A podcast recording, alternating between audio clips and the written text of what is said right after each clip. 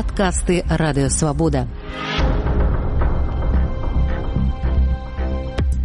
Генеральная прокуратура распачала крымінальную справу супраць чальцова рады беларускай народнай рэспублікі на гэтым сёння паговорым ім падзей каментары на канале свабода прэмі мяне завод Дмітрий гурней Ішні госці сябра прэзідуму рады беларускай народнай рэспублікі алесь чайцы з прывітання прывітання алесь давайте как паглядзім что генеральная прокуратура сказала з нагоды справы супраць рады бнр вернемся суду Генеральная прокуратура в ходе надзора за исполнением законодательства о противодействии экстремизму установила факт противоправной деятельности экстремистского формирования э, Рада БНР.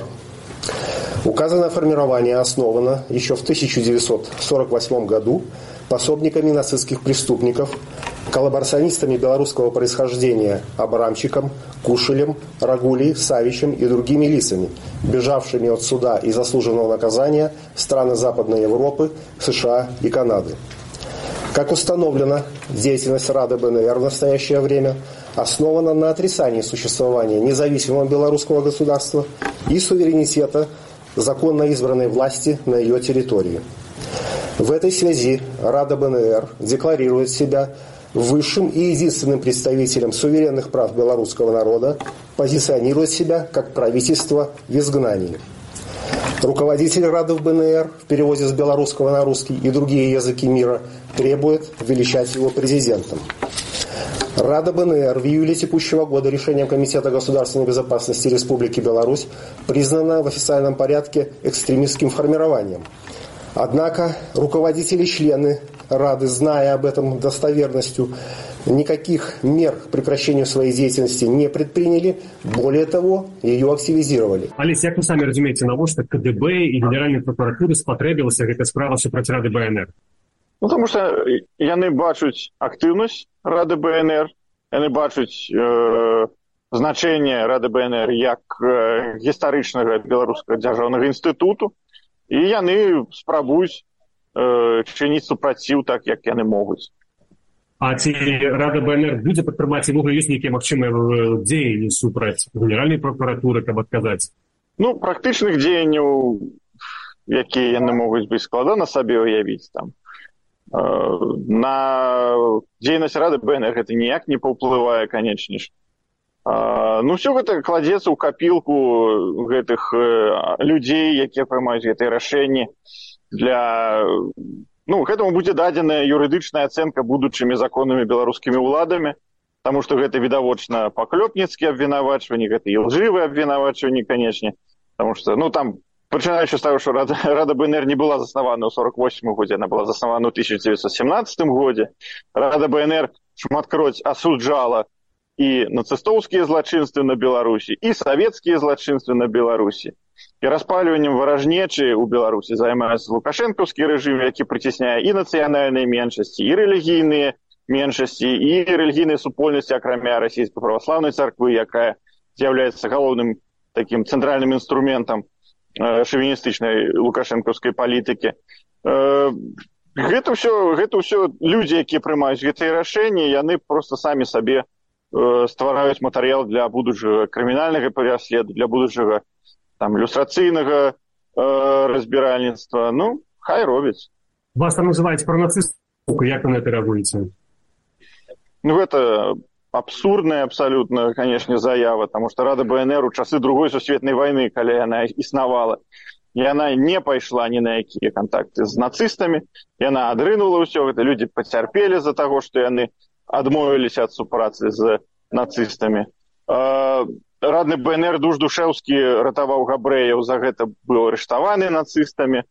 Э, ну людзі просто ну гэта не нельга казаць што гэта гістарычная непісьменнасць гэта свядомы подлог свядомыя фальсіфікацыі каб замяшаць у адно там раду беларускай народнай рэспублікі і там нейкіх нейкіх нейкія фармаванні якія ў беларусі існавалі падчас войны все гэта адной фарбай замазаць як яны любяць там і нацыстаў і амерыканцаў і нато і там геяў лгбт у іх усё гэта в одну кучу усе у іх фашысты усе ў іх нацысты хоць гэта канешне полностью абсурдная заява тому что мы ведаем что другой сусветнай войны на першым яе этапе саюзнікамі былі э, гітлера тыя хто былі папярэднікамі цяперашніх вось гэтых людзей які тут у нас самыя галоўныя антыфашысты гэта гэтыя людзі дапамагалі гітлеру гэта гэтыя людзі рабілі рэпрэсіі палітычны тэрор у беларусі. Яны нясуць адказнасць за сотні тысяч ахвяраў яны ніякай адказнасці не панеслі яны не выбачыліся за гэта нават.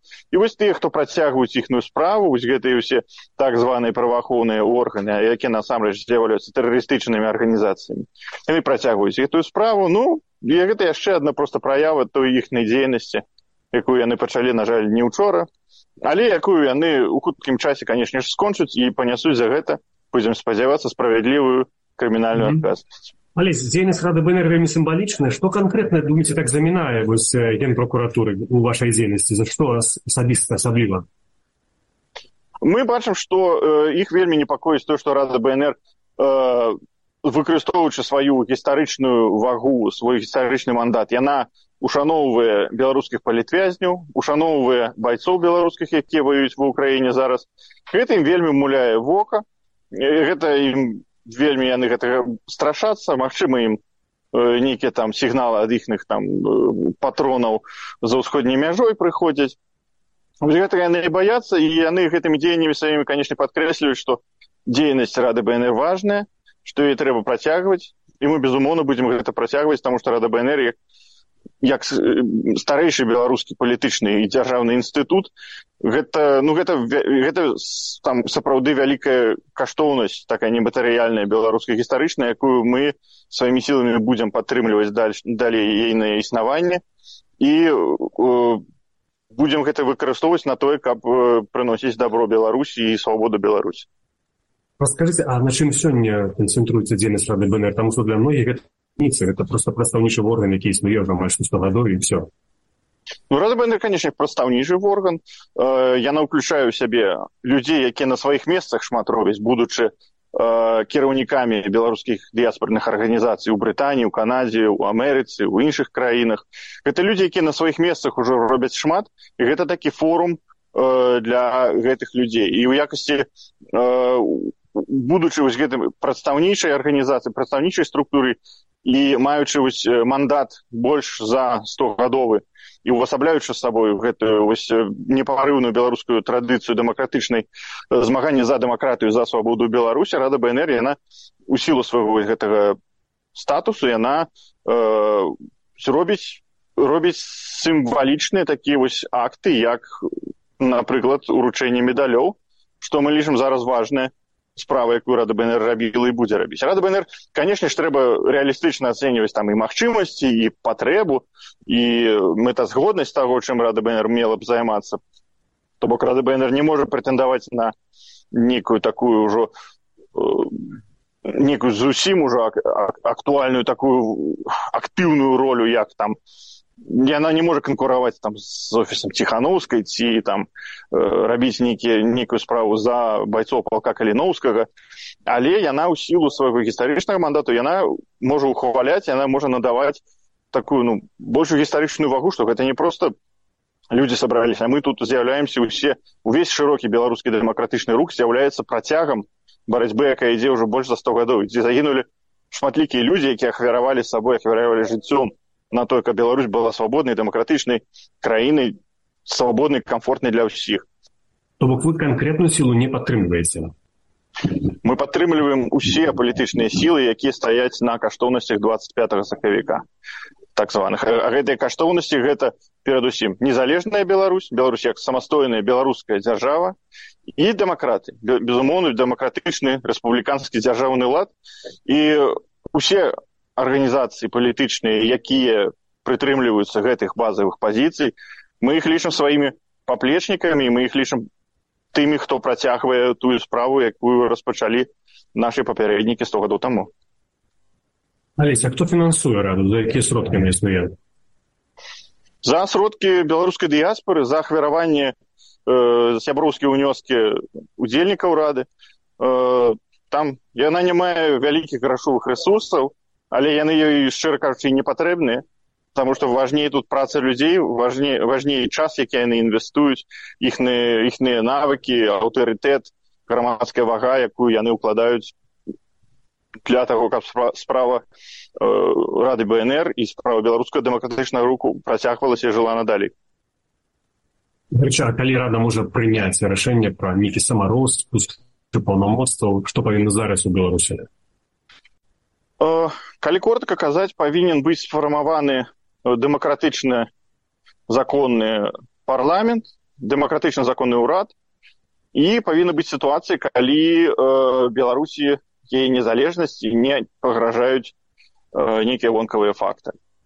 У пачатку 90-х ішлі размовы пра тое каб рада перадала свае паўнамоцтвы былі кантакты з урадам рэспублікі беларусь тагачасным але па фармальных прычынах не дайшло до таго тады таму што парламент быў сфармаваны яшчэ за савецкім часам верхоўны савет а калі была прынята ўжо новай канстытуцыі пачалі фармавацца новыя органы ўлады незалежнай беларусі гэта ўжо быў час рэжыму лукашэнкі гэта ўжо было бачна што насоўваецца аўтарытарны рэжым э, антыбеларускі посткаланіяльны по такі неасавецкі рэжым якому канешне перадаваць паўнамоцтву было нельга і таму атрымалася так што рада бнр працягвае існаваць ужо 30 гадоў пасля гэтага Дарэчы, у нас ёсць меркаванне зона пазняка пра адзінасць рады бнр. Давайте зараз мы его паглядзім это кароткае архіўнае відэа 2016 года і пазней вернемся ў студыю рада бнр у сучасным свеце гэта той орган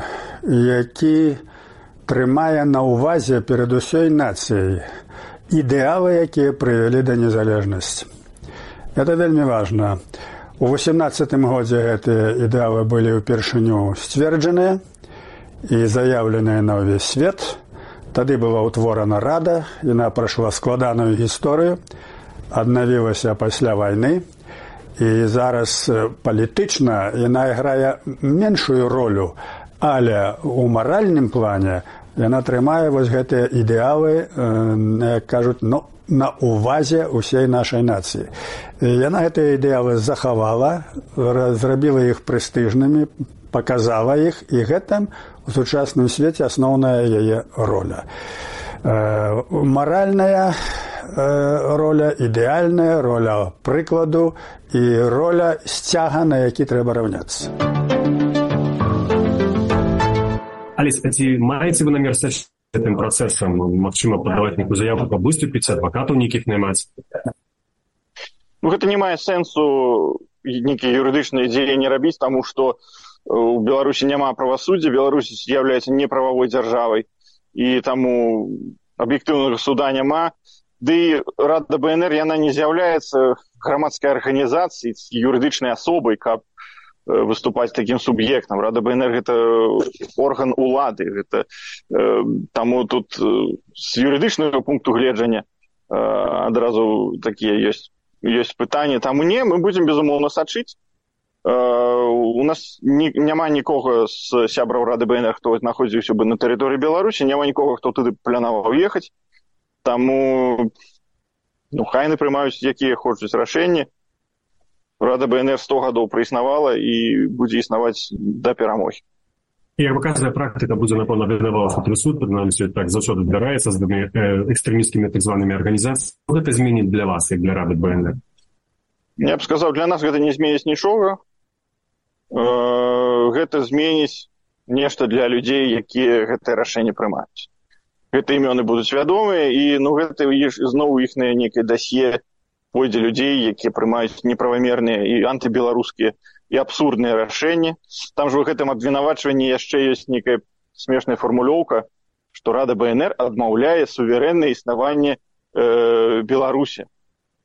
Што абсурд там што рада бнр гэта той орган які першым абвесціл пра суверэнны пра суверэнітэт беларусі пра беларусь як незалежную дзяржаву і тут значыцца просто галавы з, з, з, з ног на голову ўсё пастаўлена і гэта ну просто не ведалі што напісаць і напісалі некую такую аб, абсурдную рэч таму для нас нічога не зменіцца мы будзем працягваць э, працягваць служыць вось маральнай падтрымкай і беларускім байцам в украіне і беларускім палітвязням і сем'ям Э, людзей якія загінулі за беларусь якія адбываюць незаконныя турэмныя тэрміны ў беларусе за сваю законную грамадскую дзейнасць для нас нічога не зменіцца Это Олесь Чайки, сябра президиума Рады БНР. Для вас працаваў празе я, Дмитрий Курневич. Бывайте, оставайтесь со свободой.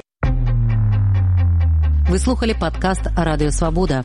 Усе падкасты свабоды ў інтэрнэце на адрасе свабода кропка орг. Штодня, у любы час, у любым месцы, калі зручна вам. Свабода кропка орг. Ваша свабода.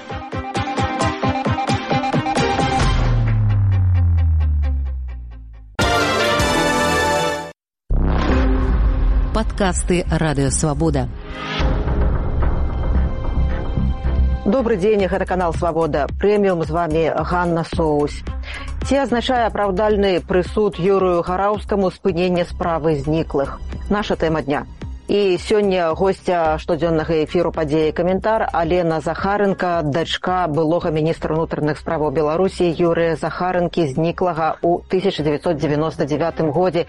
І мы абмяркоўваем прысуд, вынесены швайцарскім судом, паводле якіх Юры Гараўскі былы баец сахру не прызнаны вінаваты у датычнасці да выкрадання і забойства беларускіх палітыкаў. Алена, якая была ваша першая рэакцыя на прысуд? Я потеряла веру. Веру в справедливость и веру в, веру в то, что я когда-то действительно узнаю правду. Это были первые мои мысли. Но, тем не менее, я немножечко сейчас а, собралась и все-таки поговорила с адвокатом, и мы будем принимать э, дальнейшие действия в отношении этого преступления. А, в том, что Юрий Виравский э, виновен, у меня нет никаких сомнений. Я персонально общалась с ним, я видела его реакцию на мои вопросы, я видела его э, жестикуляцию, я видела, эм, как он э, вспоминал о тех фактах, которые я у него спрашивала. Когда мы пришли в суд, я увидела в суде непредвзятое отношение сразу к подсудимому.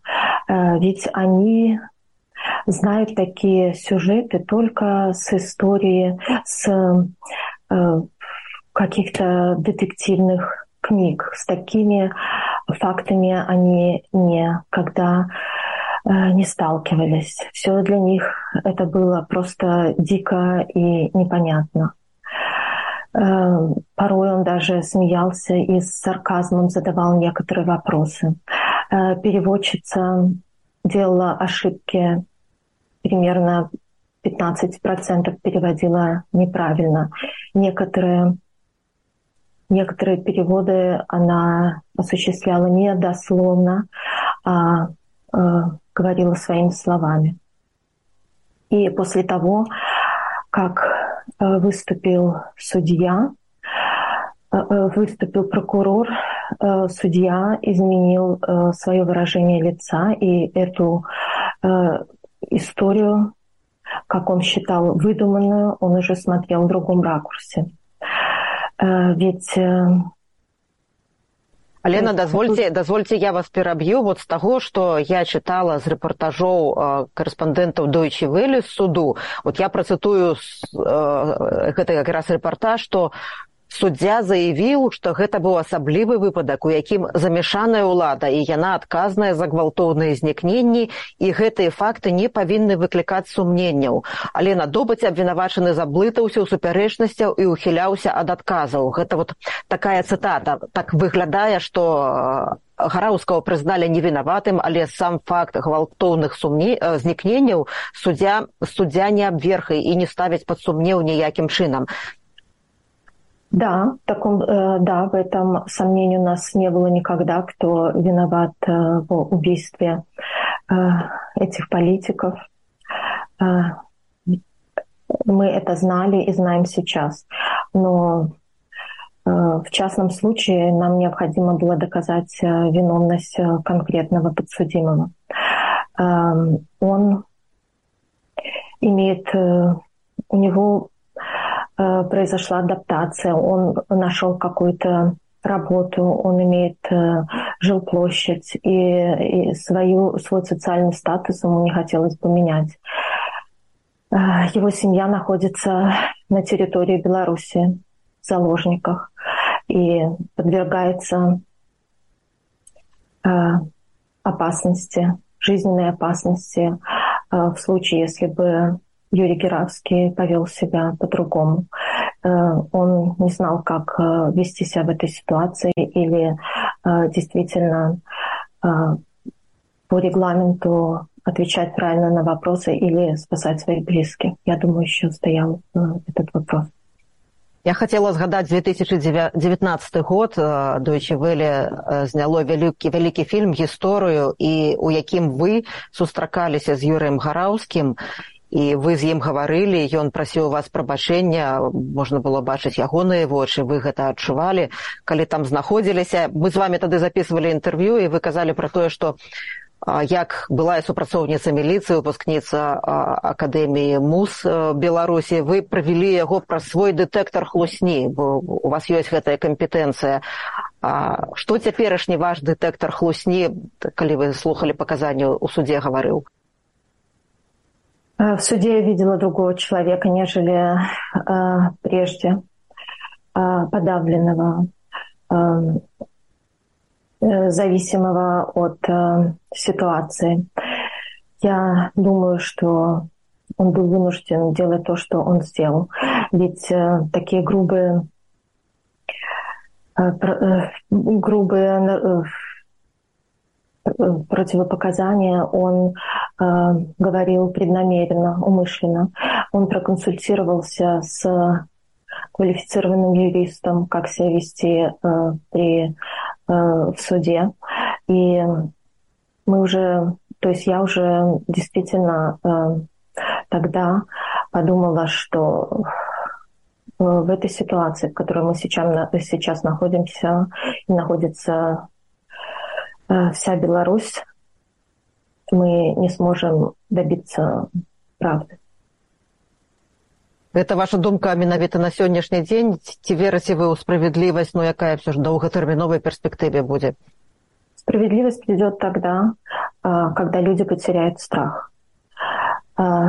Убийство известных людей которые могли бы повести народ в нужное направление целью которой э, являлась прежде всего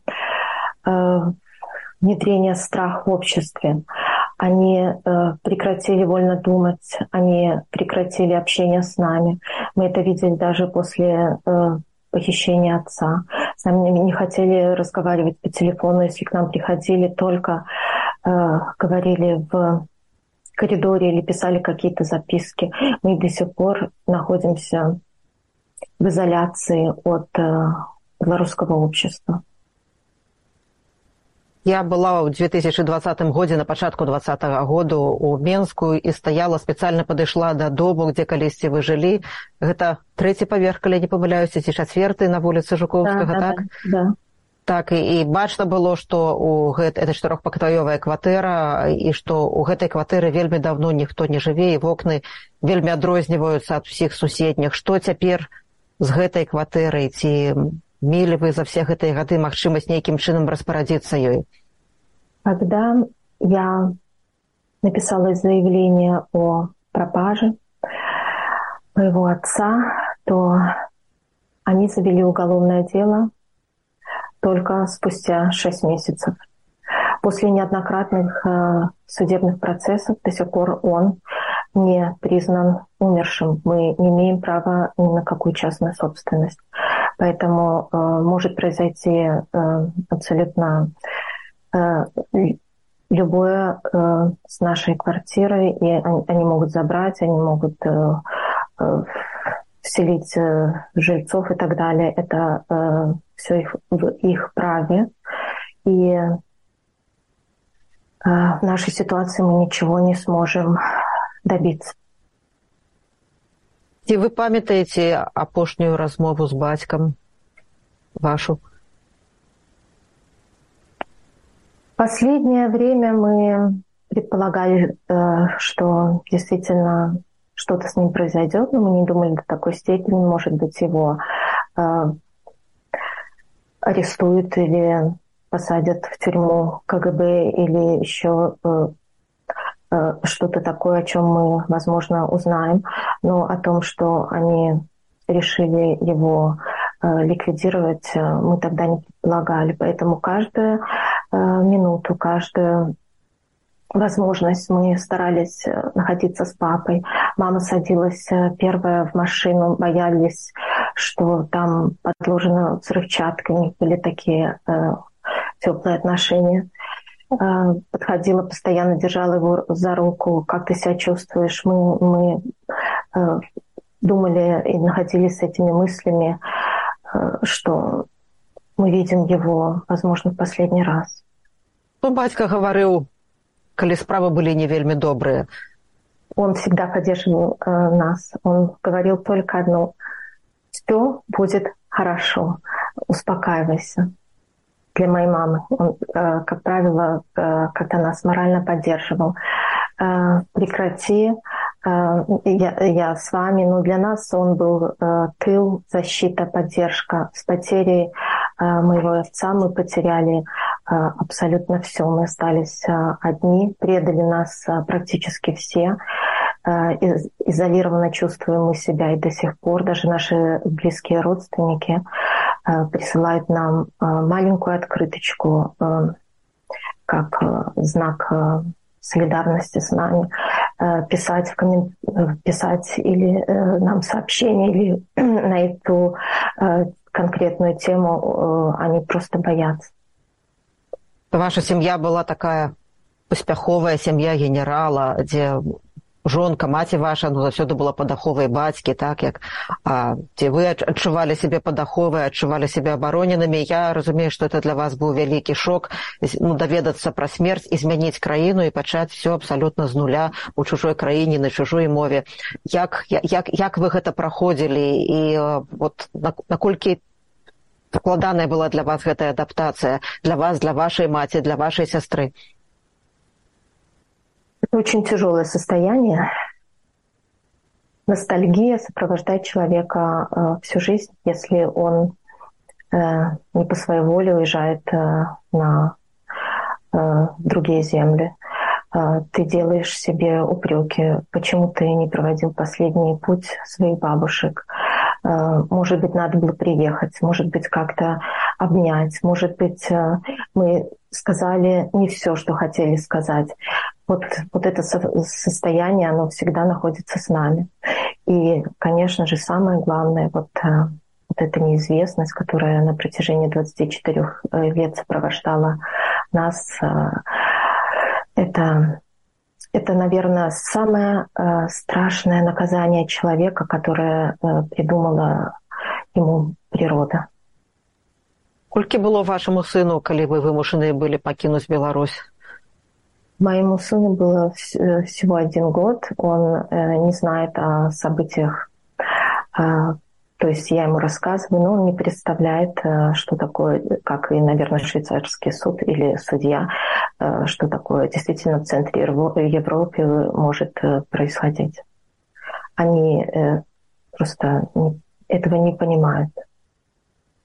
Можно яго ў некаторым сэнсе назваць чалавекам які працягвае справу свайго дзеда бо я ведаю ён калісьці ў войска хацеў ісці э, служыць Ну, он бы хотел, но в настоящее время он просто вышел на работу, но у него еще есть время в Германии, можно до 35 лет еще э, устроить э, свой профессиональный путь.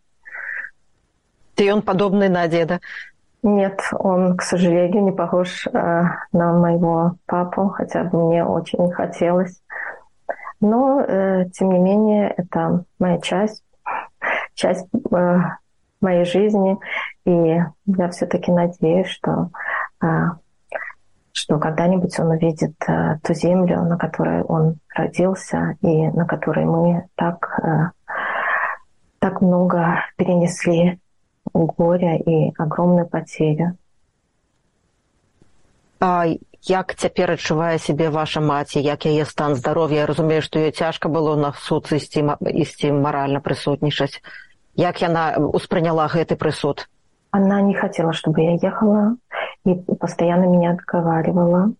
Но э, потому что она считает, что э, в данной ситуации это не принесет ничего, это нецелесообразно, и пока находится эта власть, мы никогда не узнаем э, настоящей правды и никогда не увидим свободного суда. Як вы мяркуеце якім чынам памяць пра вашага бацьку павінна быць ушанаваная ў беларусі якім чынам яго імя павінна быць ушанавана што трэба назваць якую навучальную установу напрыклад так ці якую вуліцу ці што яшчэ трэба было б назваць ягоным імем? Ну, я думаю может быть в этом э, даже нет необходимости. Это э, решит белорусский народ но в историю непременно необходимо внести эти вопиющие факты, э, которые когда-то э, потрясут весь мир, когда мы э, увидим на, подсу... на скамье подсудимых всех участников данного бесчеловечного преступления.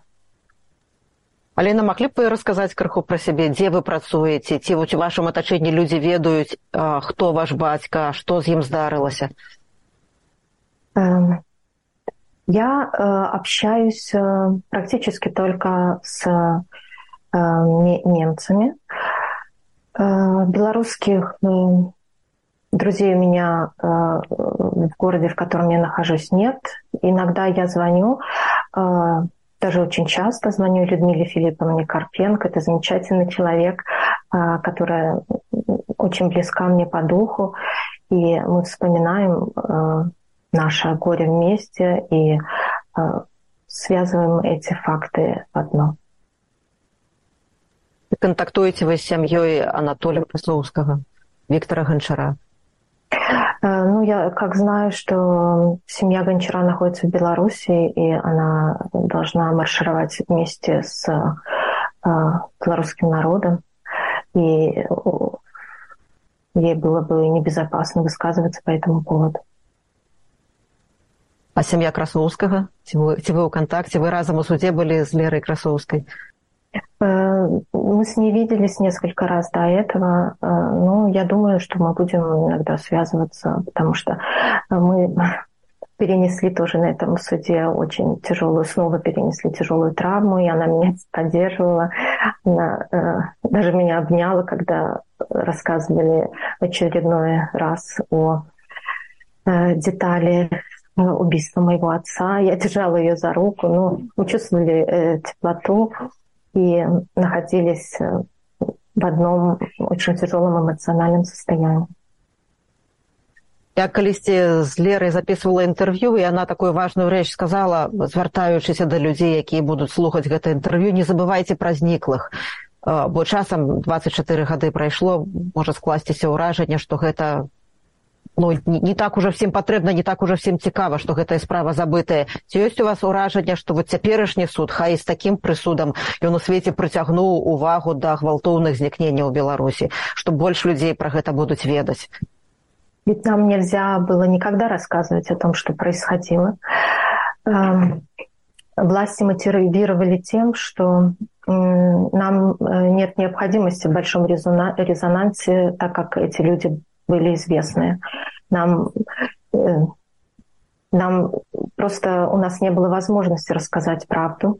И сейчас, через 24 года, э, когда проявился такой огромный э, интерес мировой общественности, мы можем рассказать о тех событиях, которые разрушили нашу жизнь. И вы протягиваете верить в справедливость? Первоначально после приговора э, я потеряла эту веру на какой-то момент и снова взяла себя в руки и думаю, что э, процесс неизбежен. Э, люди, белорусские люди просыпаются, они, они высказывают открыто, более открыто свое мнение, они знают, что будущее за молодежью. Молодежь э, выросла очень умная, очень бесстрашная, идущая э, до конца. И поэтому они обязаны знать о своих истоках, о истории своей страны. Дякую вялікі, што такі няпросты для вас час знайшлі сілы знайшлі час для свабоды прэміум. І дзякуй за шчырасць. Дзякуй вялікі ален. Гэта была алена захаранка дачка зніклага былога міністра ўнутраных справаў беларусі юрыя захаранкі я ганна соусь развітваюся з вами заставайцеся ў бяспецы. Выслухали падкаст радыёвабода усе падкасты свабоды ў інтэрнэце на адрасе свабода кропка орг штодня у любы час у любым месцы калі зручна вам. Свабода кропка орг. Ваша свабода.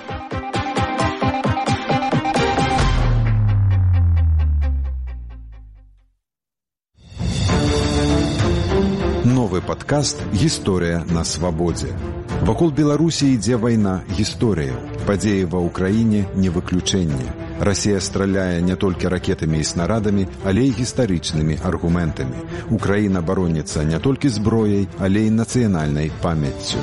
Беларусы таксама маюць сваё бачанне гісторыі, якое цалкам адрозніваецца ад расейскага. Рэжым у Менску трымаецца пераважна расейскага погляду. Мінулая Беларусі вачыма беларусаў асноўная тэма падкасту гісторыя на свабодзе. Падпісвайцеся на новы падкаст гісторыя на свабодзе і слухайце кожны тыдзень на ўсіх падкаст-платформах. Ён таксама выходзіць у відэафармаце на Ютюбе. З архіву радыёвабода. Вострая брама. Гісторыя беларускай спеўна-драматычнай майстроўні 1981-84 гады ў асобах. Запісы 2010 году. Вядучы Сергей Дубавец.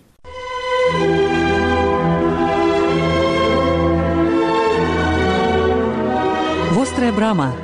Гісторыя аднаго цуду. Перадача Сергея Дубаўца.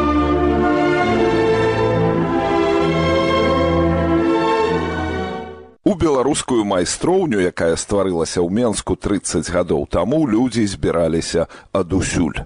Пераважна гэта былі студэнты больш-менш аднолькавага ўзросту, вакол 20 гадоў, а далей загадка.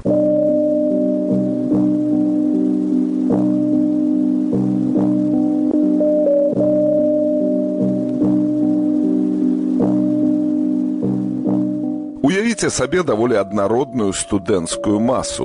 Няважна фізыкі гэта альбо лірыкі, вынік будзе аднолькавы. Маладыя людзі маюць падобнае сацыяльнае заплечча, жывуць у падобных умовах і падобнымі інтарэсамі.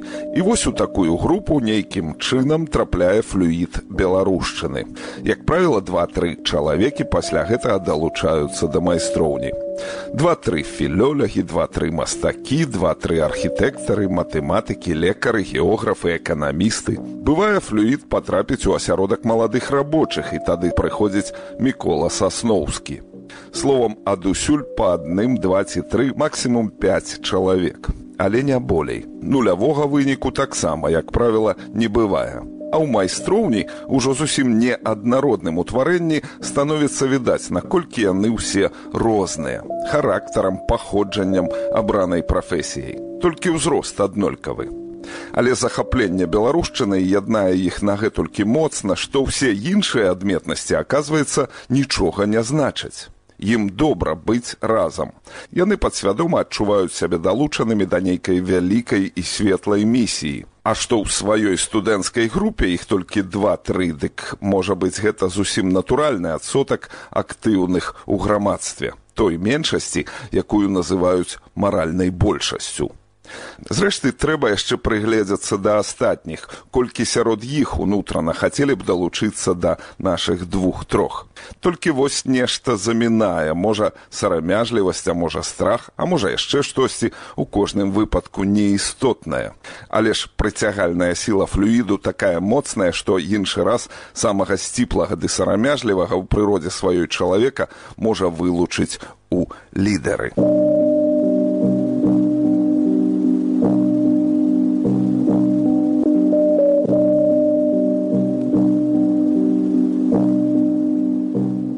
Мастак геннаць мацур чалавек надзвычай сціплы ў паводзінах і амаль немагчыма ўявіць, каб у ім прачнуўся правадыр. Але Калі Геній Клойка, паступіўшы ў тэатральна-мастацкі інстытут, прыйшоў на першую таемную сходку студэнтаў, ахопленых флюідам беларушчыны, дык менавіта Геннадзя Мацура ён пабачыў у якасці ідэоляга, які гэтым усім кіруе.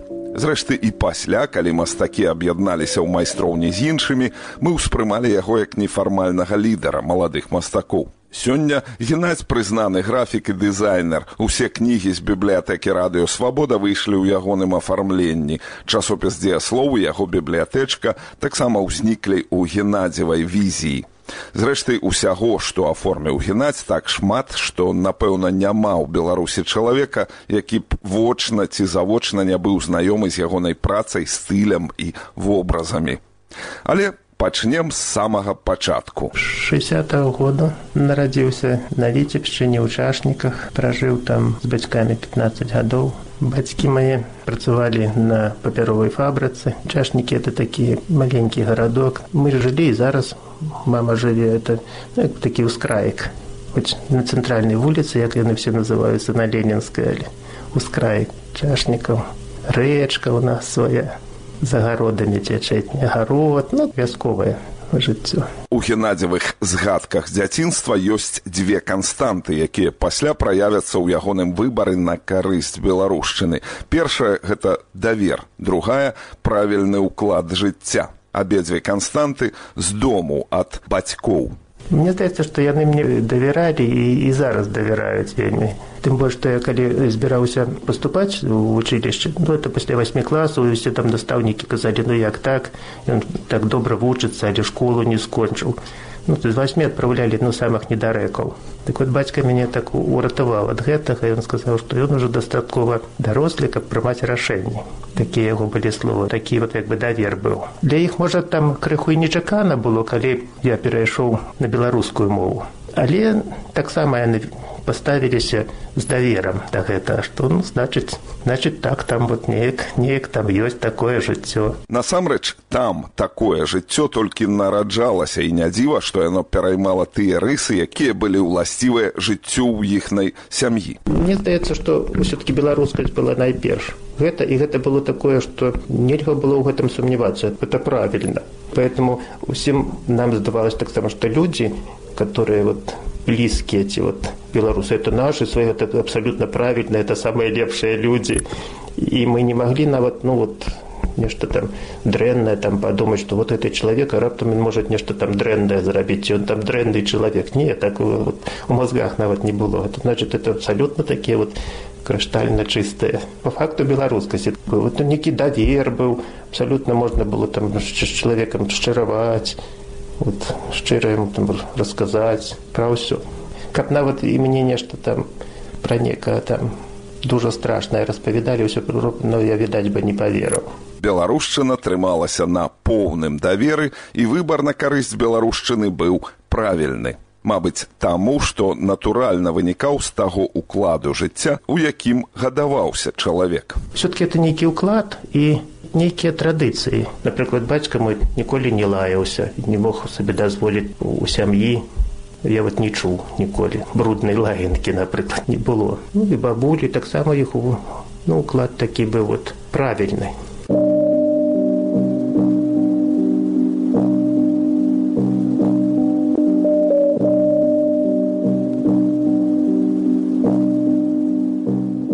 Захацелася мне стаць мастаком. На гэта паўплываў мой настаўнік Анатоль Варчэня, который вельмі апантанна працаваў у школе. Вот там некалькі чалавек захапілася вельмі ягонымі працамі ім як настаўнікам. І нейкі быў такі ўздым захаплення. А потым я ўжо да восьма класа неяк трывала ўжо усталяваўся ў такой думцы, што буду мастаком. І вычытаў, што ёсць такое мастацкае вучылішча у Менска і вырашыў паехаць паступаць.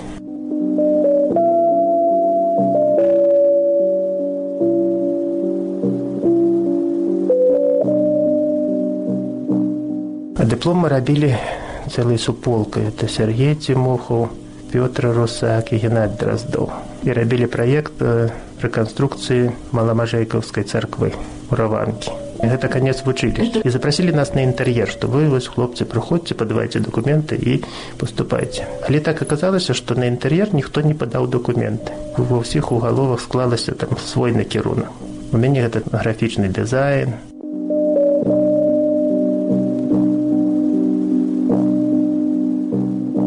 Калі вярнуцца да таго наша пытання, калі моя беларускасць пачалася, нейкі пералом ці этап этой першай беларускасці это э, калі да нас прыйшоў выкладаць э, Віктор маркавец і з гэтага прынцыпе пачалося ўсё і у нас нейкія там пачаліся заняткі нейкія лекцыі мы там всякие слайд фільмы глядзелі у вучэнні нешта абмяркоўвалі усе мае сябры цяперашнія гэта вот выхадцы з гэта вот з нашай групы і ўсе яны беларусы А потым праз маркаўца мы пазнаёміліся і з марачкінамі з іншымі мастакамі пачалі хадзіць да іх у госці ў майстэрні яны там назваць на нейкія агульныя справы рабілі першыя выставы цёткі міколы гусоўска прысвечаная выстава мы ўжо там і дапамагалі карацей суполкай уже рабілі гэтыя вот выставы я ўжо першай выставе удзельнічаў вот першым творам сваім плакатам это прысвечана мікола гусоўскаму выстава это па-моему 80 год.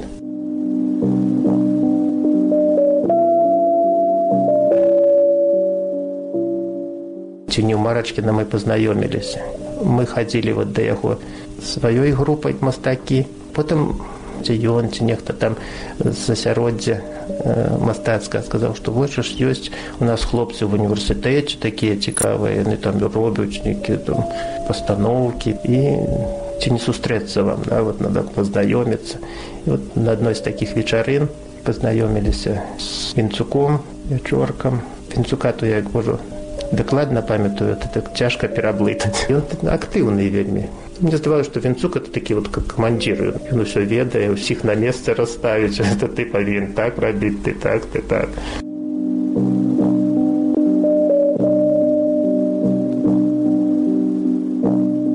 Мне то здавалось что адназначна это не ну не просто нейкае такое фармальнае захапленне а то менавіта ў рэчышча беларушчыны гэта і мова гэта нейкая атмасфера не хобі не просто что вот няма чым заняться было і там вот давайте мы там зробім пастановку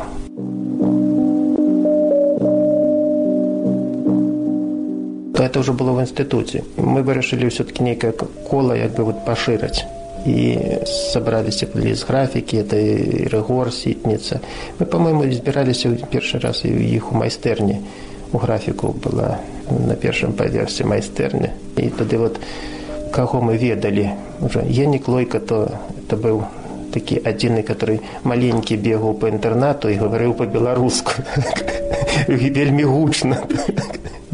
Ну і так каго ведалі хто прыхільнік хто гаварыў хто крыху гаварыў по-беларуску мы вот такі сход зрабілі. Пазнаёміцца і як бы вот ну нават запытацца ці будзеш ты это ну не рух а вот нейкая як бы такая суполка на ці будзеш ты удзельнічаць вот у гэтым мы вот там нешта зробім а вот я ўзгадаў што мы задумалі потым пастанавілі там газету выпускаць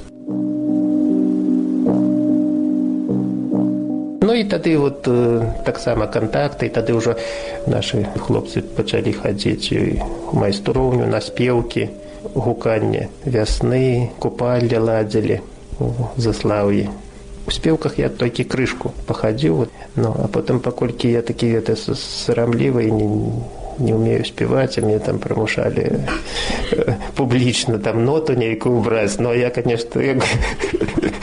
не мог эту ноту то мне неяк так некомфортно стало. Ну в сэнсе так псіхалагічна да? вот, все астатняе окей нормально. Але вот что тычыцца спевам конечно зайздрошчу людям которые умеюць спяваць але калі бог не даў то вы слухаеце радыё свабода тут сергей дубавец у сённяшняй вострай браме пра цуд на каляды 30 гадоў таму распавядае геннадзь мацур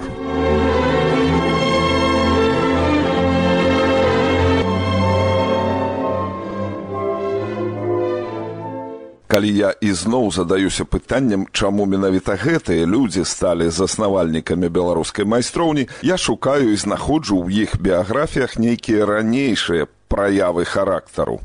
Ва ўсіх гэта адбывалася па-рознаму. Да прыкладу Вераніка Курцова бунтавалася супраць несправядлівасці, будучы яшчэ зусім дзіцём. Я читаю про войну на Кавказе, а нам кажуць, што вайна на Кавказе з боку Росіі гэта вызваленчая вайна. Інакш кажучы, пакутаюць народы Каўказа і вось прыйшла Расія і вызваляе гэты край. І я так памятаю на занятках сяжу і крычу, я не разумею, як гэта Россия напала на народы Кавказа, на горцев, и Россия принесла вызволение. Это неправильно написано. Меня так взбунтовало это по-детячи, и я подняла, что называется, верхол. Чему подручнику написали неправильно. Я не забиваю этих горцев, а тут написано, что это вызволенчая война. Меня выкликали до директора и задали маленькое питание. Кто меня научил задавать такие питания? Это был шок. И мне директор представил до стенки. Вероника, ты чему так думаешь? Я говорю, а як можна думати по-другому? Яны ж забіваюць людзей. Горцы ж не прасілі каб яны сюды прыйшлі. Дырэктар глядзеў глядзеў. Трэба ж прыняць рашэнне. Глядзеў глядзеў ды кажам трэба гэту справу замяць ну ведаеце дзіця да было мне гадоў 9-10 мяне папрасілі. На уроках сядзець ціхенька і бацькоў папярэдзілі каб былі асцярожныя з гэтым дзіцем і сачылі, каб такія пытанні ў яе ў галаве не ўзнікалі, бо гэта небяспечна для яе, Таму што школы бываюць розныя і установы медыцынскія бываюць розныя. Першым для ўсіх бар'ерам на шляху станавіўся камсамол, уступленне ў які патрабавала фармальна самастойнага рашэння. Тут быццам бы з'яўляўся нейкі выбар. Згадвае зміцер колас. Я доўга-доўга неяк не ўступаў у камсамол і ўрэшце мяне прыстрашылі ўжо ў десятой класе што не паступіш у інстытут ну і ясна што мы астатнія хто там заставалася некалькі чалавек падалі этой заявы. А калі нам далі анкеты там была это прыславутая графа нацыянальнасць ну і я дзеля жарту спытаў а што пісаць у графе нацыянальнасць яны кажуць ну як хто маці і бацька Ну я дзеля жарту сказаў у мяне вы калі бацька і маці рознай нацыянальнасці як пісаць сябе яны кажуць як сябе адчуваеш Ну я ўзяў і напісаў што я тунгус. Ніхто ясна не паглядзеў асабліва на гэтыя анкеты іх просто склалі там і паслалі ў райкам А пасля прыбегла наша завуч па выхаваўчай частцы і пачала на мяне моцна крычаць і сварыцца, што маўляў, ты нас падставіў усіх, як так можна, я лічыла цябе сур'ёзным хлопцам. Так мяне не прынялі ў камсамолу выніку. І я хадзіў скардзіўся ўсім, што нас тунгусаў у камсамол не бяруць. Але ўрэшце нас увогуле тры яшчэ чалавекі засталося і ў канцы 10 класа мы ўсё ж таки поступілі у камсамол. Я ўсё ж таки дамогся што тунгусаў у камсамол пачалі прымаць Праўда давялося э, схаваць сваю нацыянальнасць з таго часу я беларус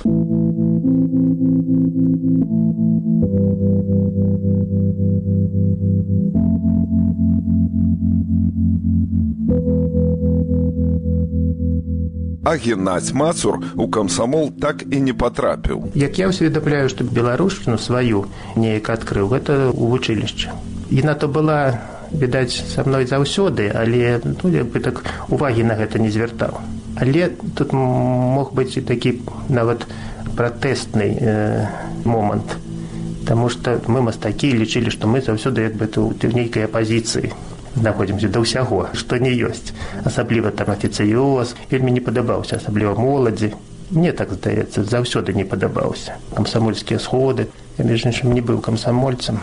У школе неяк я не паспеў поступіць а в вучылішчы думалі што я камсамолец таму што так не бывае как нехто не быў не камсамолец. І потым это высветлілася толькі на размеркаванні.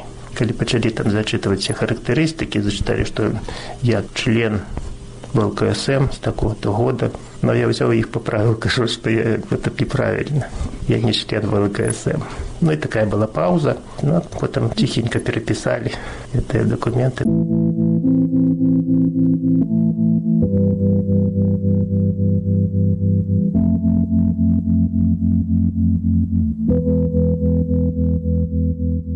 калядны вечар 1980 году калі беларуская майстроўня выйшла на цэнтральную менскую плошчу геннадзь мацур памятае ў дэталях першае сутыкненне з міліцыяй якая не ведала што рабіць у такіх выпадках і безаглядныя паводзіны студэнтаў майстроўцаў геннадзь тлумачыць такую безагляднасць тым што тады мы не мелі досведу. Былі нябітыя шмат пазней у 1990-е гады калі беларусь абвясціла незалежнасць усталявала сваю сімволіку прыйшло ўсведамленне адзінства ўсяго гэтага працэсу. Мастакі рабілі халтуры ездзілі і малявалі гэты вот чырвона-зялёны сцяг с арнаментам. Ну застрэліцца пакуль яго намалюеш гэта все арнамент.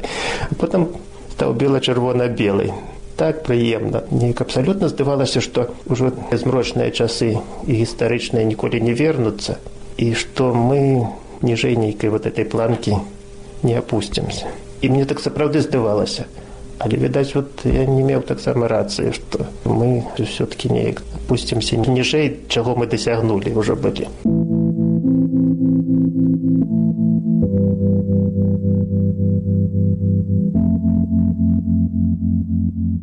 я памятаю, што вельмі шмат людзей навокал загаварыла па-беларуску. І номенклатуршчыкаў і просто тых людзей, которые ну, ніколі не думаў, што загаворыць па-беларуску. Ну, оказывается, загаварылі. Я ўсіх беларусаў быццам ведаў, хто гаворыць па-беларуску. іх не шмат было, а потым гэтыя людзі неяк нават крышку ў бок адышлі. І новыя прыйшлі. Аказваецца, бы новыя людзі і таксама беларусы. Майстроўскі цуд геннадзь тлумачыць тым, што ў пэўным месцы ў пэўны час аб'ём неабходнай інфармацыі дасягнуў крытычнага пункту. Тое, што было зроблена і раней, яно потым было там вынішчана але прайшоў час і ўсё роўна гэта аднекуль нешта там папрарастала. Нейкая кніжачка знайшлася нейкі дакумент нейкі адзін чалавек знайшоўся который это захаваў а потым некаму паказаў. Дзеці яны ўжо нешта там уведвалі ці нейкае там у бацьку ўжо слова праскоквала. І, і ўсё гэта так вот пачалося пачалося па крышачку вот а гэта і мастакі. Все яны просто ўжо больш сабралі больш акумулявалі інфармацыі вось гэтай а там вот дзе гэта энергетыка інфармацыя там ужо і людзі новыя з'яўляюцца і моладзь а яна больш падхапіла можа больш магчымасці было і адукацыі больш інфармацыі з'явілася са згадак геннадзя як і іншых майстроўцаў вынікае што сведама ці нясведама узнікнення майстроўні рыхтавалася старэйшымі мастакамі мяне ўсё жыццё я і сябраваў і неяк сыходзіўся з людзьмі старэйшага ўзросту. Пакаленне розніца ці крыху менш але вот гэтае вот пакаленне мастакоў марачкіна маркаўца кулік і вся суполка што ля іх. Менавіта ядак вот праз іх прыйшоў да беларускасці. Але відаць гэта вот глеба а потым ужо пачалося уласна такі рух. Можа час іншай ці моладзь была менш кажуць бітая менш баялася відаць все-таки часы нейкія былі крышку пры сваім гэтым вот камуністычным маразме але яны нейкія ўжо былі відаць цяплейшыя ці мы нечага не ведалі і добра што не ведалі і вальней сябе адчувалі. Адкуль узялася назва майстроўні пра гэта гаворка наперадзе. А сёння геннадзь мацур чытае гэтае слово як вобраз вачыма дызайнера графіка каліграфа. Майстроўня такое для мяне крыху такое складанае слово майстроўню калі так вот як так выводзіш ты вот вобраз ну такое як это вот тут тут -ту, як рынок будаўнічых матэрыялаў я ну такое тут вот это прорабы нейкія там і прынцыпе яно такое і адпавядае і калі называць вот это да, то як бы гэта вот суполка ці рух ён такі і будзе і, і павінен быць а па-іншаму не атрымаецца а калі не такі то тады тады гэта будзе не майстроўня. Вот і там нейкія падпарадкаванні павінны быць гэтыя слухаюцца гэтага гэта, там гэта а тут кіруют ну, это такія фантазіі которые ні да чаго не прывяжаш але я туда іх адношуся даволі сур'ёзна. Потому что калі я пишу словы для там каліграфій за слова пішаш яно все роўно як напішаш які вот вобраз створаш але у гэтае слово яшчэ ёсць ёсць яшчэ і свой унутраны можна памяняць это вот унутраную энергетыку але все роўна яна як бы там першапачаткова прысутнічае может спачатку мы чуем гэта слово вымаўляем потым уже пішам не адразу пішам уяўленне потым прамаўляеш і калі ж мы думаем мы ж думаем таксама не абстрактна мы ж словамі думаем і іх прамаўляем думка ж такая абстрактная не бывае да? і ну, думка абсалютна вот все як это як аповед пішаш ці роман